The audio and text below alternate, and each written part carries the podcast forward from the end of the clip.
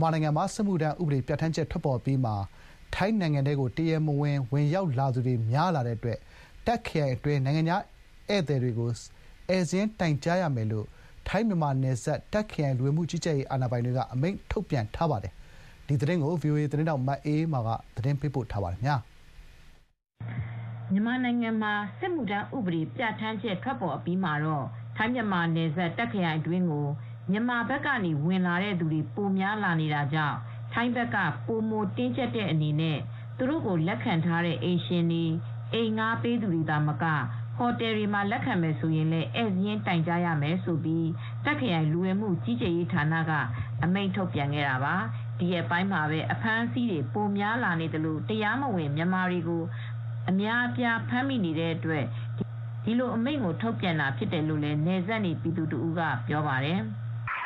ခုနှစ်ရက်လက်မှတ်တွေနဲ့ ဒီမှာနေတဲ့လူတွေ လက်မှတ်တွေလောက်ထားတဲ့လူတွေအဲသူတို့စီမှာ ရှိနေတယ်ဆိုတဲ့အကြောင်း လူတိုင်းလူတိုင်းအင်ရှင် အိမ်ငါ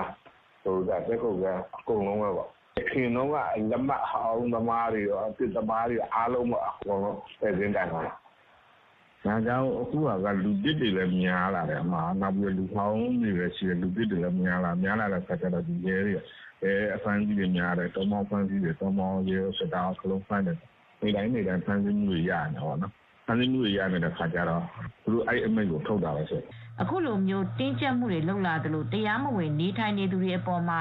အာဏာပိုင်တွေရဲ့ငွေညစ်တောင်းခံမှုတွေကလည်းကြီးကြီးလာတဲ့အတွက်လည်းမြန်မာတွေဖို့အခက်အခဲတွေရင်ဆိုင်နေရတယ်လို့လည်းပြောပါတယ်အင်းကလေးဒီလိုအောက်ကအောက်ကတွေတရားမဝင်တဲ့နီလန်းတွေနဲ့ပို့လောက်လာတော့လောက်လာနိုင်ပို့ဆိုးတော့အခုလိုချင်းမဲဆောင်မျိုးပေါ်မှာပို့တော်ဆိုးပြီးအရင် တော့3 4 500လောက်ပေးလို့ရတာဥစ္စာကအခုက4 5 6000တောင်းပေးမှလုတ်လုတ်ပေးတယ်ဥစ္စာအလကားနေဗမာပြည်သားကိုမှဥစ္စာ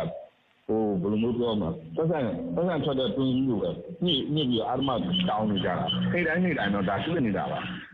မြန်မာတွေအနေနဲ့အခုလိုမျိုးတရားမဝင်နီးလန်းနေနဲ့နေထိုင်အလုပ်လုပ်ကင်ဖို့လုပ်နေတာတွေကအဆင်မပြေနိုင်ကြောင်းကိုလည်းအလုပ်သမားတွေကိုအကူအညီပေးနေတဲ့ MHAC မြန်မာ Humanitarian Action Center ကတာဝန်ခံ ကိုရဲမင်းကလည်းအခုလိုပြောပါတယ်။အဲတော့ဒီတရားဝင်လမ်းဝင်တဲ့လူတွေတောင်မှအခက်အခဲတွေကြုံနေတာ။ဥပမာအမ်ဘိုစနစ်နဲ့ဝင်လာတဲ့လူတွေအလုပ်နေရာမတူတာတွေအလုပ်မရှိတာတွေလောကမပေးတာတွေသတိမောင်းထုတ်တဲ့ပြဿနာတွေကျွန်တော်တို့အနေနဲ့အများအားဖြည့်ရှင်းပေးနေရတယ်။အဲအဲ့တော့ကျွန်တော်တို့တရားမဝင်လမ်းဝင်တဲ့လူဆိုရင်ပို့ပြီးတော့အခက်အခဲတွေအများကြီးပုံကြုံတွေ့နိုင်တယ်လို့ကျွန်တော်အနေနဲ့သုံးသပ်ချင်တယ်။24နာရီအတွင်းအဲဇင်းတိုင်ဖို့အတွက်လည်းလဝကကအမိန့်ထုတ်ထားပြီးဧည့်စာရင်းတိုင်ကြားဖို့ပျက်ကွက်မယ်ဆိုရင်တော့အများဆုံးဘတ်တစ်သောင်းလောက်ထိ ဒဏ်ကြေးပေးဆောင်ရမှာဖြစ်တယ်လို့လည်းဆိုပါတယ်။တိုင်ကြားတဲ့အခါမှာလူကိုယ်တိုင်ဖြစ်စေ၊အီးမေးလ်နဲ့ဖြစ်စေ call center ကနေလည်းတိုင်ကြားနိုင်တယ်လို့လည်းရေးသားထားပါတယ်။မြဝတီမဲဆောက်အမှတ်၁ချစ်ကြည်တရားကနေ9ရက်နယ်စပ်ဖြတ်ကျော်လက်မှတ်နဲ့ဝင်ရောက်လာသူတွေကိုလည်းမဲဆောက်မြို့မှာတရားဝင်နေထိုင်နေသူတွေကထောက်ခံပေးမှသာ